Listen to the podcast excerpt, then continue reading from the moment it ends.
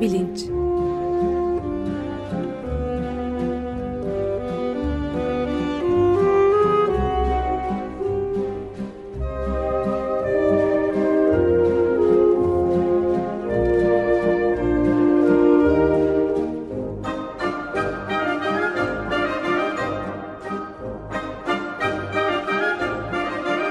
Güven Güzeldere ile bilim ve felsefe sohbetleri. Demek her şeye bozuluyor sizin krala. Son zamanlarda biraz sinirleri gergin. En çok kimlere bozuluyor? En çok eski krallara bozuluyor. Eski krallar nereden çıktılar? Eski krallar saklandıkları yerlerden yavaş yavaş çıkıyorlar. Kimi yurt içinde, kimi yurt dışında gövde gösterileri yapıyorlar. Çadırlarda yemekler yeniyor, sürülerle kurbanlar kesiliyor. Seslerini yavaş yavaş yükseltiyorlar. Neler söylüyorlar? Aziz ve muhterem din kardeşlerim, biz beraat ettik. Biz beraat ettik. Beraat ne demektir? Beraat davadan önceki hakları yeniden kazanmak demektir. Ve aynı mevzuda bir daha dava açılamaz demektir. Deyince Yüce Kral Hazretleri fıttırıyor. Başka bozulduğu da var mı? Var. Kim? Ispartaçüs. Kim kim kim kim kim? İslam köyden Ispartaçüs. O neler söyledi? O durdu durdu, bekledi bekledi. Nerede kalmıştık? Hocam peki söyle bakayım bana. Emredin. Ne isterler bu eski krallar? 84. kapıdan girmek. Nereden? Bizde bir 84. kapı var. Bu kapıdan girişler çıkışlar yasaklandı. Bu eski krallar tutturdular. İlla bu kapıdan girecekler. Nereye? Kralın bahçesine. Ne işleri var bunların kralın bahçesinde? Çok verimli meyve ağaçları var. Yiyen yedi, yiyen yedi. Bitmedi, tükenmedi. Hurmalar, ayvalar, elmalar. Merhabalar Güven Bey, günaydın. Ee, Günaydın Ömer Bey. Günaydın Güven Bey, merhaba. Günaydın Can. Evet, girdiğimiz parça neydi? Programa başladığımız parça. Evet, biraz eskileri iade etmiş olduk. Ee, Zeki Alasya, Metin Akpınar ikilisinin e, bir diyaloğu Yasaklar isimli oyundan.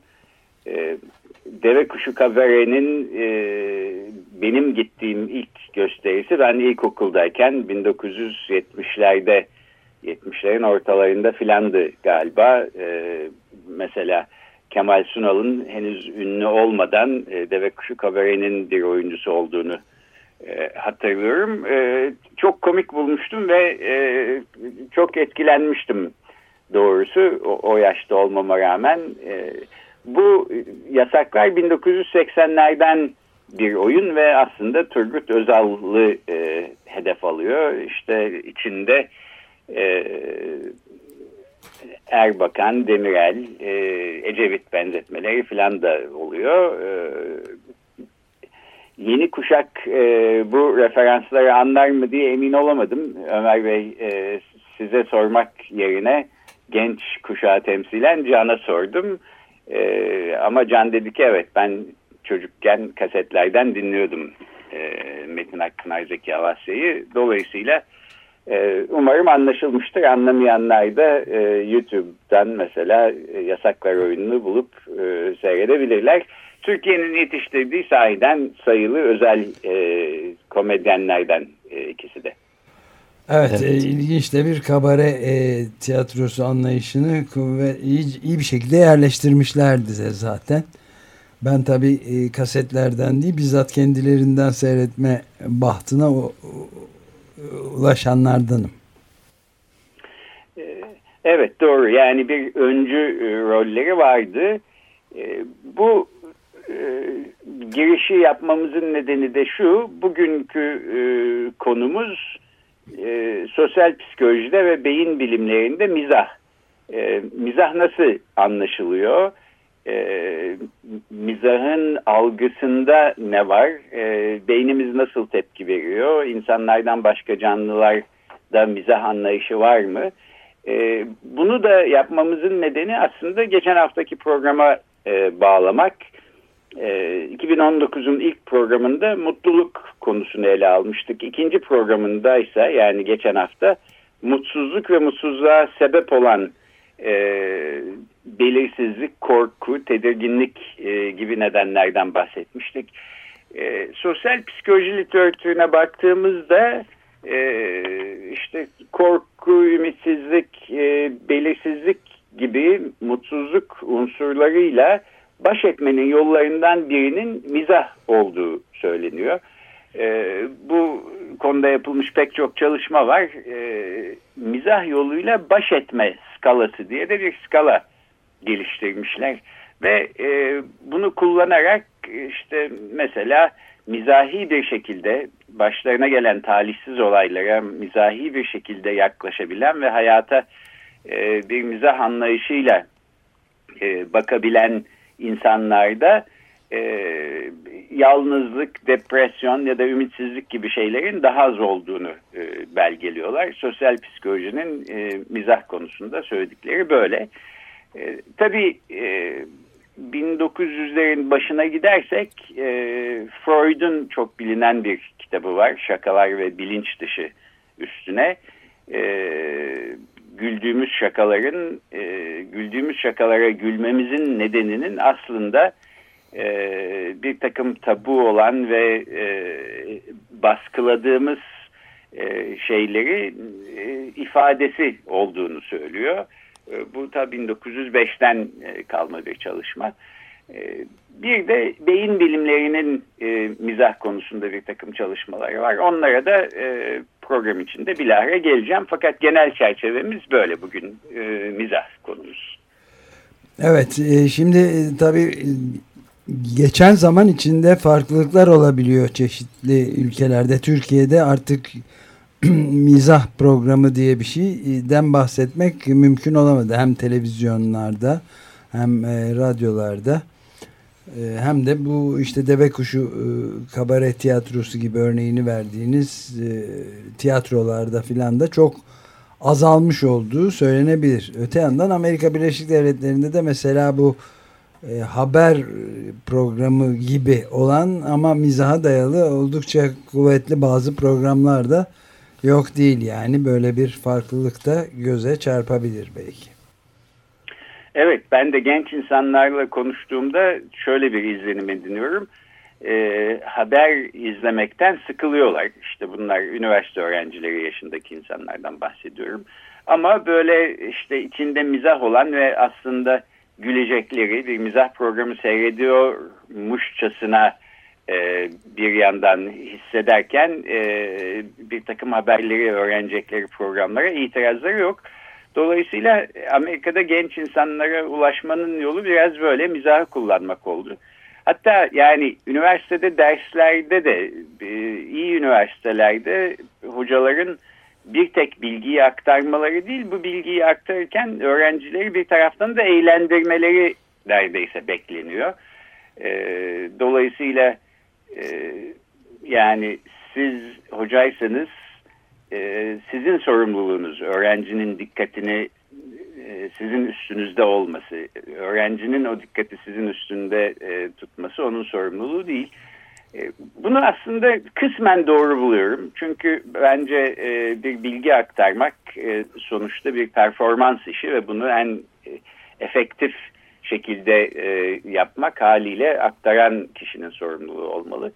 Fakat böyle her şeyin bir mizah e, perdesine büründürülmüş olması ya da böyle bir zorunluluk olması e, sizin de belirttiğiniz gibi biraz acayip sahiden. E, ama şey de var yani mesela e, Türkiye'de de hala işte Zeitung vari yani haberleri mizah yoluyla e, paylaşabilmek ve eleştirebilmek yollarını arayanlar. Amerika Birleşik Devletleri'nde de tabii bunun çok parlak örnekleri var. Onion gibi.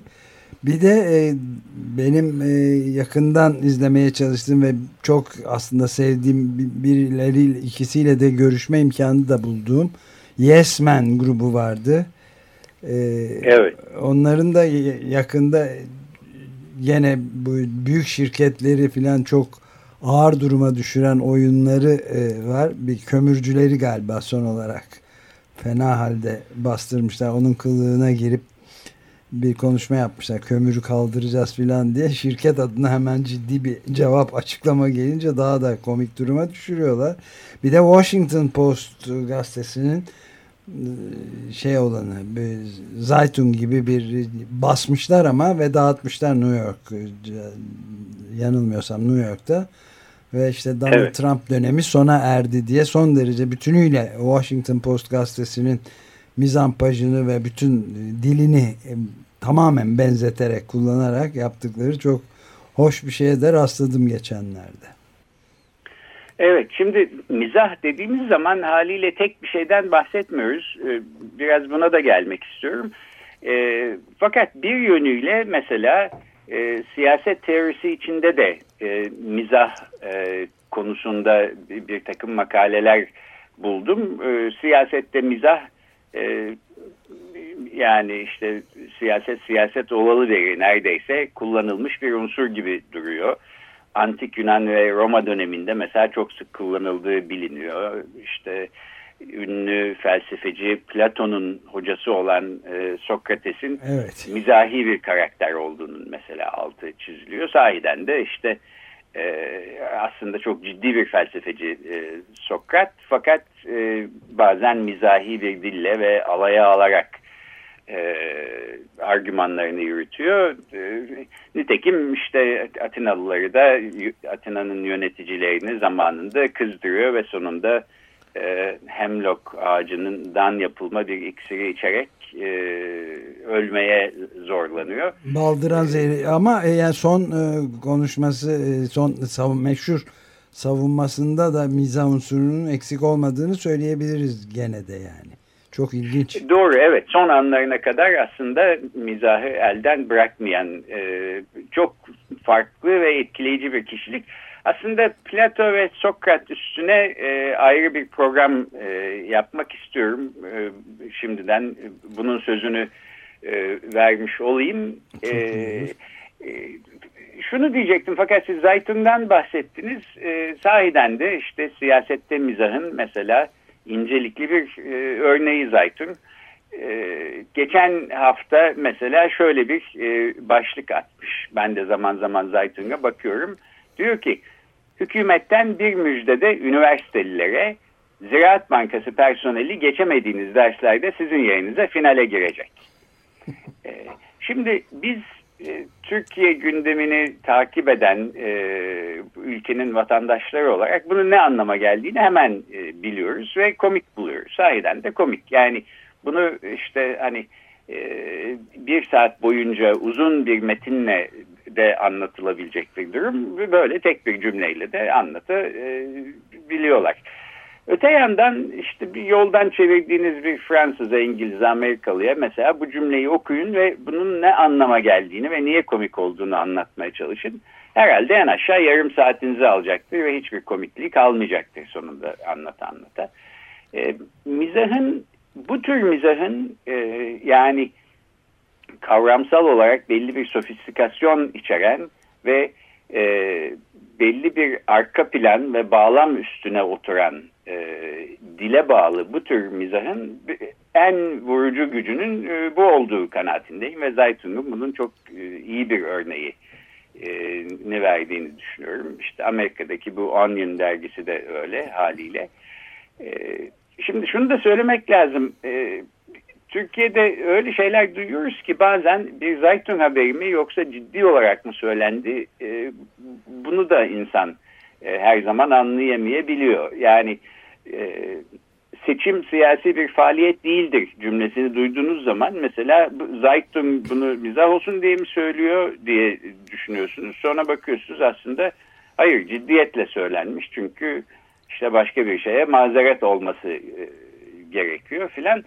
E, böyle bir e, karmaşıklığın içinde yaşamak e, herhalde mizahı bir yandan daha da keskin hale getiriyor diye düşünüyorum. Evet e, ben de ufacık bir ilavede bulunayım izninizle. Yani baskın oran da Ağustos'taki e, haftalık içli dışlı köşesinde özellikle bu e, Zaytun ve Zaytunvari olayları derlemekte benzersiz bir çalışma yapıyor zaman zaman ve tam da dediğiniz örnekler gibi örnekleri çoğaltıp hepsini toplayıp bir araya Zaytungsal olaylar diye arada bir birkaç haftada bir yayınlıyor. Hakikaten tam bir bıçak sırtında. Yani bunların hangisi gerçek hangisi değil şeyini dünyanızı şaşırtıyor yani. İyi yapıyor baskın onu. Evet. Ee, şimdi çiz e, mizahı e, çizgi yoluyla e, aktaran ülkeler arasında Türkiye'nin önemli bir yeri var. İşte yıllar yılı Gırgır dergisi mesela böyle e, gerçekten tiraj rekorları kıran bir dergiydi. Uzun e, sürede aslında bu geleneğin sürdüğünü hep gördük. Yani işte Penguen, e, Uykusuz Leman, ta zamanında Gırgır'a e, alternatif olarak çıkan Mikrop diye bir dergi vardı filan. Bunlar hep e, sevilen ve çok okunan dergiler oldular. E, son zamanlarda çok zor durumda kaldıklarını okuyorum. İşte Penguen dergisi kapandı galiba. E, hani gerçek anlamda mizah dergilerinden Laman'la Uykusuz dışında pek bir dergi kalmadı. Onlar da e, mali zorluklarla baş etmeye çalışıyorlar. Bugün yarın bir, başkasının daha kapandığını duyabiliriz diye e, endişe etmek mümkün. E, bu niye böyle yani e, mizaha olan bir ilgi azalması olduğunu sanmıyorum. E, öte yandan işte yani her söylemek istediğini söyleyememek durumu da e, tahmin ederim söz konusudur. Bu da biraz zorluyor olabilir. E, benim bu mizah programını düşünmeme neden olan şey de işte Metin Akpınar'ın e, halkı isyana teşvik etme filan gibi e, gülünecek bir suçlamayla yani ancak mizah olabilecek bir suçlamayla sabahın köründe işte kapısına polis arabası dayandırılıp savcıya götürülmesi filan fotoğrafları eminim e, kendisini sahnede e, seyretmiş ya da kasetten dinlemiş herkesin içini bir parça burkmuştur. E, yani mizahla gerçek hayatın böyle iç içe geçtiği olayların yaşandığı bir ülkede olmanın da herhalde kendine özgü bir sosyolojisi olsa gerek baskın oranın da herhalde belgelediği bu diyebiliriz. Evet aynen öyle. Yani bu özellikle bizim önümüze de sık sık gelen haber derlemelerinden yapmaya çalıştığımız haber derlemelerinde mesela bu son seçimlerde e, seç, e, yani yerel seçim öncesindeki e, seçmen kütükleri konusundaki sahtekarlık ya da işte benzer şeyler üzerine gerçekten insanın inanması güç ancak bu mizahta Zaytung'da ya da Onion dergisinde olabilecek şeyler dedirtecek evet. şeyler var. Bir Güven... dairede 1184 kişinin bulunması gibi filan. Güven Bey ben bir soru evet. sorabilir miyim müsaade ederseniz? Tabii.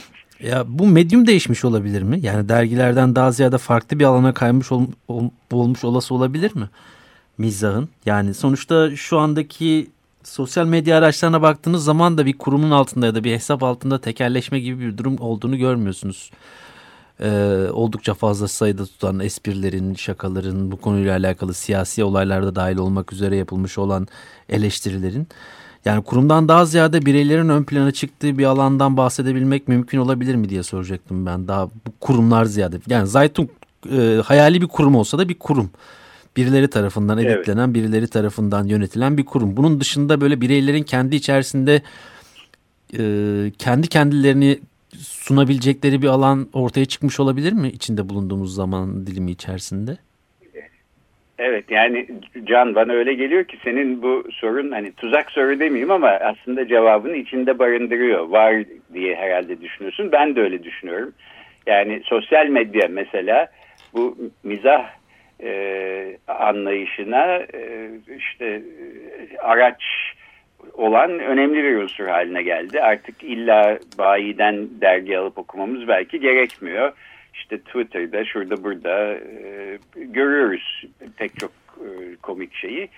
E, yani sen de böyle düşünüyorsan e, aynı fikirdeyiz diyeceğim. Yani düşünmekten daha ziyade gördüğüm şey bu.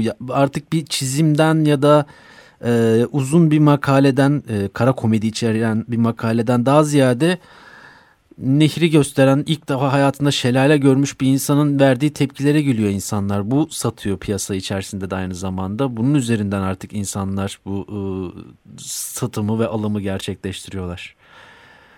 Ama bu... Evet yani burada da şu soruyu sorabiliriz aslında.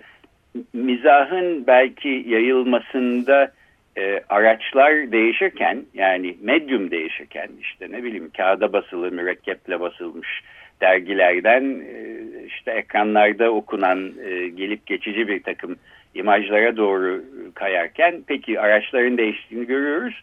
Bu içeriğin ne şekilde değişmesine de neden oluyor diye sorabiliriz. Evet. Ee, yani e, aracın değişmesi illa içeriği değiştirecek demek değil ama çok mümkün içeriği de değiştirmesi.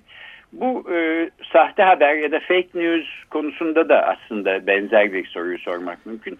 Ben epey bir zamandır bu fake news konusunda e, çeşitli makaleler okuyorum, malzeme biriktiriyorum. E, herhalde küçük bir seri halinde bunu yapacağız önümüzdeki haftalarda. Çok malzeme var. Bu soru orada da gündeme geliyor. E, ama yeni teknolojilerin ve sosyal medyanın bir şekilde e, insan kültüründe böyle dönüştürücü bir etkisi olduğu bana çok açık ve kesin gözüküyor. Evet. İşte hani mizahta da böyle bir şey olması mümkün.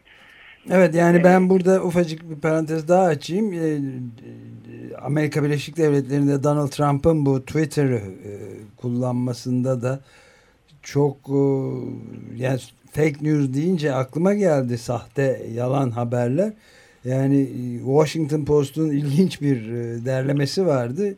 Günde 81'e varan yalan söylediğini tespit etmiş bulunuyor. Şimdi bu ancak bir mizah diye okunu, okunabilecek bir haber. Yani bir cumhurbaşkanının e, Twitter hesaplarından başta olmak üzere her gün yani gün dakikada bilmem kaç tane yalan söylemesi gibi bir bunu gerçek kabul etmek zor yani mizah dışı bir şey olarak kabul etmek ama değil maalesef. Evet yani büyük bir şaka olduğunda anlaşabiliriz fakat ne kadar gülebiliriz diye de evet, yanında aynen. soruyoruz e, mecburen. E, peki ben şimdi izninizle konuyu biraz da beyin bilimlerine getireyim ve öylece Lütfen. bağlayayım. E, mizahın işte bu Zaytung'da falan e, yer alan türünde e, dile bağlı ve belli bir e, kavramsal e, sofistikasyon isteyen bir türünü e, bir kenara bırakalım. Bu türü e, diğer canlılarla paylaşamayacağımız açık e, yani e, işte bir kediye köpeğe bir fıkra anlatma imkanımız yok. E, fakat bu gibi durumlarda ben hep e, mizahın başka türlerine e, acaba insanlar dışındaki başka hayvanlar e, hassas mı, anlayabiliyorlar mı? Bu soruyu merak ediyorum. Zaten kendi üstünde çalıştığım alanlardan bir tanesi insanlarda, hayvanlarda ve makinalarda, robotlarda yani kıyaslamalı zihin e, kuramları hep benim aklıma önce böyle şeyler, böyle sorular geliyor. Şunu mesela düşünmek mümkün. E, böyle hani düşmeli kalkmalı diyebileceğimiz İngilizce'de slapstick e, diye e, söylenen işte sakarlık üstüne e, kurulu bir komedi biçimi de var. Yani sinemanın ilk günlerinde Charlie Chaplin'in mesela e, çok başarılı örneklerini verdiği cinsten. Buster Keaton'ın da evet. Evet yani böyle hani dile bağlı bir ince mizahtan ziyade sakarlık işte eli oraya çarpıyor kolu bunu çarpıyor kendisi düşüyor filan bu tür bir e, komiklik mesela e, görsel olarak e, hayvanların işte mesela kedilerin köpeklerin e, hassas olduğu bir şey mi? Değil gibi gözüküyor ve niye öyle olmadığı ya da niye öyle olduğu da aslında e, çok belli değil. E, bu bence ilginç ve ucu açık bir soru. Bir yandan çünkü sakarlık e, üzerine kurulu mizah belli nedensellik kurgularının bozulmasıyla ortaya çıkıyor. Yani siz bir şey beklerken e, orada uyumsuz bir şey oluyor. E, işte mesela bir şey devriliyor, adam yere düşüyor, kadının suratındaki ifadeye bakıp gülüyorsunuz filan. E, bu tür şeyleri e, hayvanlar algılama e, yetisine sahipler. Hatta bunun ötesinde şimdi küçük bir parantez açayım. E, 20. yüzyılda yaşamış önemli e, psikologlardan birisi, deneysel psikologlardan Belçikalı Albert Michot'tur. E, 1945'te e, nedenselliğin algısı diye çok e, yer etmiş bir kitabı var. E, burada şunu araştırıyor Michot, bir şeylerin başka şeylere neden olduğunu biz hangi mekanizmalar bağlamında ya da temelinde anlayabiliyoruz diye soruyor. Yani bir bilye var mesela siz ikinci bir bilyeyi e, ona doğru ittiriyorsunuz. Yuvarlanarak gel, gelip e, çarptığı zaman ikinci bilye duran birinci bilye birinci bilye aynı yönde tekrar hareket ediyor. Tamam bunun bir nedensellik e, nedeniyle e, böyle olduğunu biliyoruz. E, fakat Michot diyor ki biz defalarca defalarca böyle şeyleri öğrenip bir asosyasyon ya da bağlantısallık e, yoluyla bunu algılıyor değiliz. Aslında çok temel bir mekanizma var canlılarda. E, bir şeyin başka bir şeye neden olmasının e, algılanmasını sağlayan ve bu insanlarla e, sınırlı değil. Hayvanlarda da var. E, nitekim e, Michot'un e, çalışmalarından yola çıkarak yapılmış başka çalışmalarda gerek hayvanlarla gerek mesela işte 3 aylık e, ya da 6 aylık çok genç bebeklerle e, bunu göstermek mümkün oluyor. Yani bir ekranda mesela işte bir bilye görüyorsunuz. ikinci bir bilye gelip ona çarpıyor. E, çarptığı zaman diğer bilyenin e, hareket etmesi beklenir. Fakat yarım saniye kadar hareket etmiyor. Orada bir rotar koymuş durumdasınız. Bu bir rotarın ardından hareket ediyor. Yani aslında fiziksel dünyada olmayacak bir şey. E, bunu seyrettiğiniz zaman işte maymunlar da, üç aylık bebekler de e, şaşırıyorlar ve daha çok bakıyorlar e, bu, bu tür olaylara. E, bakma zamanıyla ölçülüyor bunlar ve daha çok bakması burada beklenmedik bir şey olduğunun e, göstergesi olarak alınıyor. E, şimdi durum böyleyse bu nedenselliğin bozulması ya da nedensellikte bir uyumsuzluk ortaya çıkaran durumları hayvanlar da algılayabiliyor demektir. Kediler, köpekler, maymunlar da dahil olmak üzere. Fakat ben e, hayvanların şaşırdığını görmekle birlikte bu şaşkınlıktan bir e, mizah duygusu ve bir eğlence ürettiklerine doğrusu pek şahit olmadım. E, Açık Bilinc'in Twitter hesabında birkaç e, küçük video paylaştım hayvanların şaşkınlıklarıyla ilgili. Belki primatlarda biraz daha böyle bir şey gözüküyor gibi olabilir. Mesela bir e, orangutan yavrusunun e, şaşırdıktan sonra bundan bir taraftan da keyif alıyormuş gibi, bununla eğleniyormuş gibi sanki bir mizah anlayışı varmış gibi e, düşünebileceğimiz bir e, davranışı tepkisi var. E, bu videoları burada anlatmam zor ama e, Twitter hesabından bakılabilir. Her halükarda beyin bilimleri diyorlar ki bir şekilde e, insanlar en azından e, mizaha tepki verirken e, bir uyumsuzluk ortaya çıktıktan sonra bu uyumsuzluğun aslında ne olduğu ve neden ortaya çıktığının anlaşılması insanda dopamin sistemini harekete geçiren ve dolayısıyla kendini iyi hissettiren yani iyi bir haber almışsınız gibi ya da bir parça çikolata yemişsiniz gibi dopamin sistemini e, harekete geçiren pek çok e, unsur var.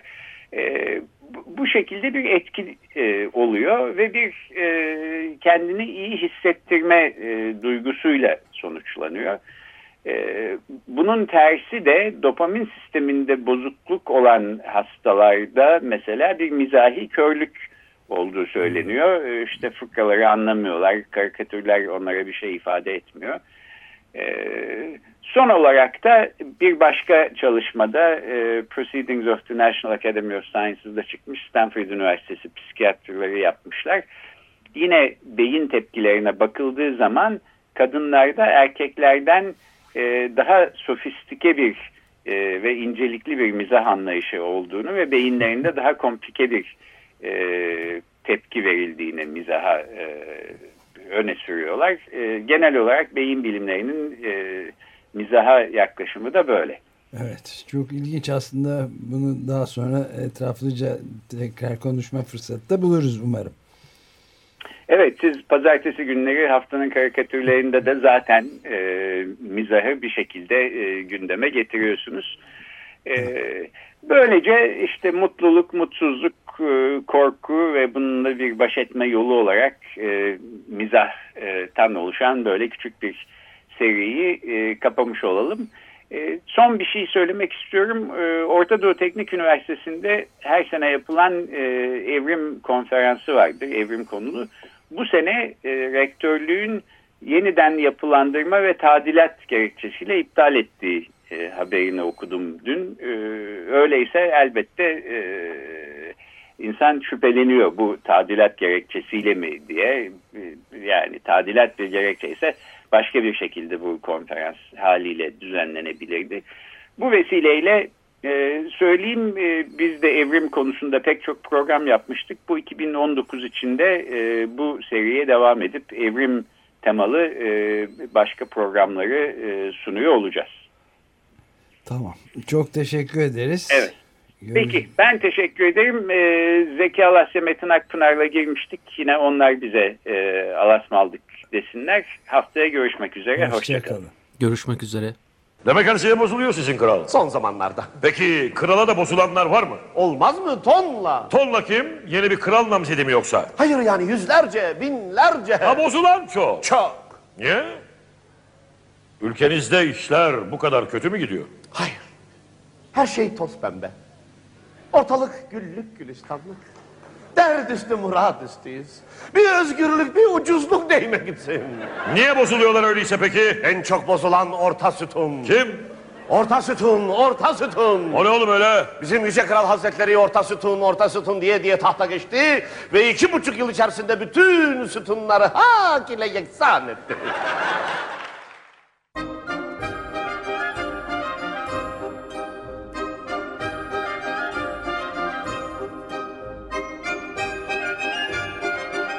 Açık Bilinç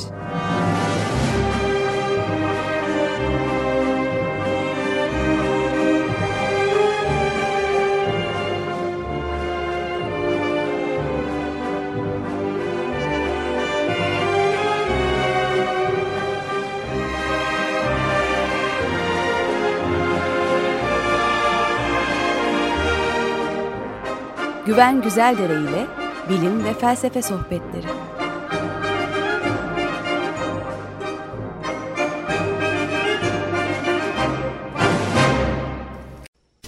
Radyo program destekçisi olun. Bir veya daha fazla programa destek olmak için 212 alan koduyla 343 41 41